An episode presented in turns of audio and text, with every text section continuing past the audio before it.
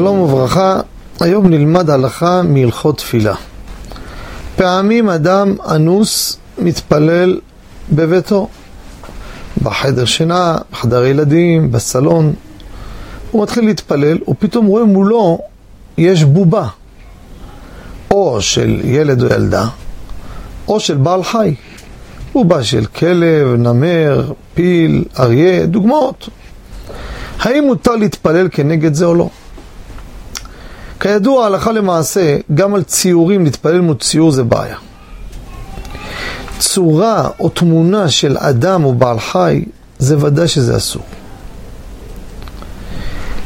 בובה שהיא בולטת, כמו שעל זה אנחנו מדברים, זה ודאי הרבה יותר חמור מציור, שיש פה גם בעיה של השתחוויה מול דמות, וגם יש עוד טעם בדברים אחרים, שזה מפריע בכוונת התפילה. ולכן הלכה למעשה. לא יעזור שיעצום את עיניו. אדם רוצה להתפלל מול ספרייה בחדר ילדים, ויש במדף מולו כל מיני בובות של בעלי חיים, של ילדים, תינוקים, תינוקות, לא משנה.